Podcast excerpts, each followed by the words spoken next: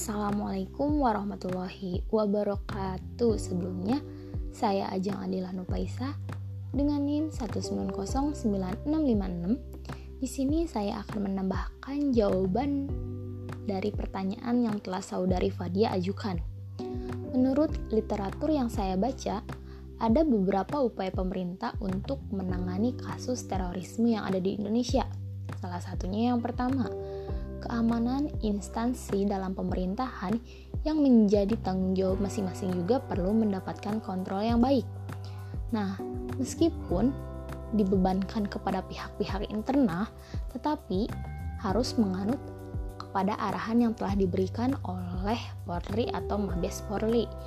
Yang kedua, mempelajari berbagai modus aksi teror yang pernah dilakukan maupun yang memungkinkan untuk dilakukan.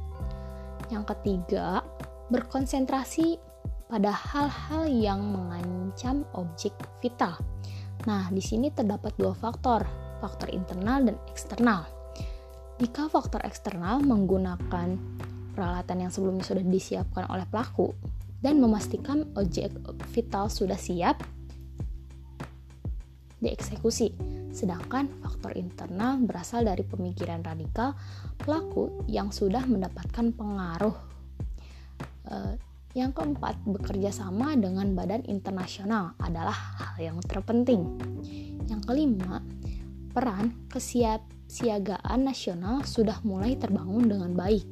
Dan yang keenam, mengetahui fakta bahwa ancaman transportasi darat ternyata lebih mencemaskan dibanding dengan transportasi udara. Nah, tak hanya itu, salah satu upaya penting untuk dilakukan adalah menyelesaikan revisi Undang-Undang Nomor 15 Tahun 2003 tentang pemberantasan tindak pidana terorisme. Mungkin sekian yang bisa saya tambahkan. Mohon maaf bila ada salah-salah kata. Wassalamualaikum warahmatullahi wabarakatuh.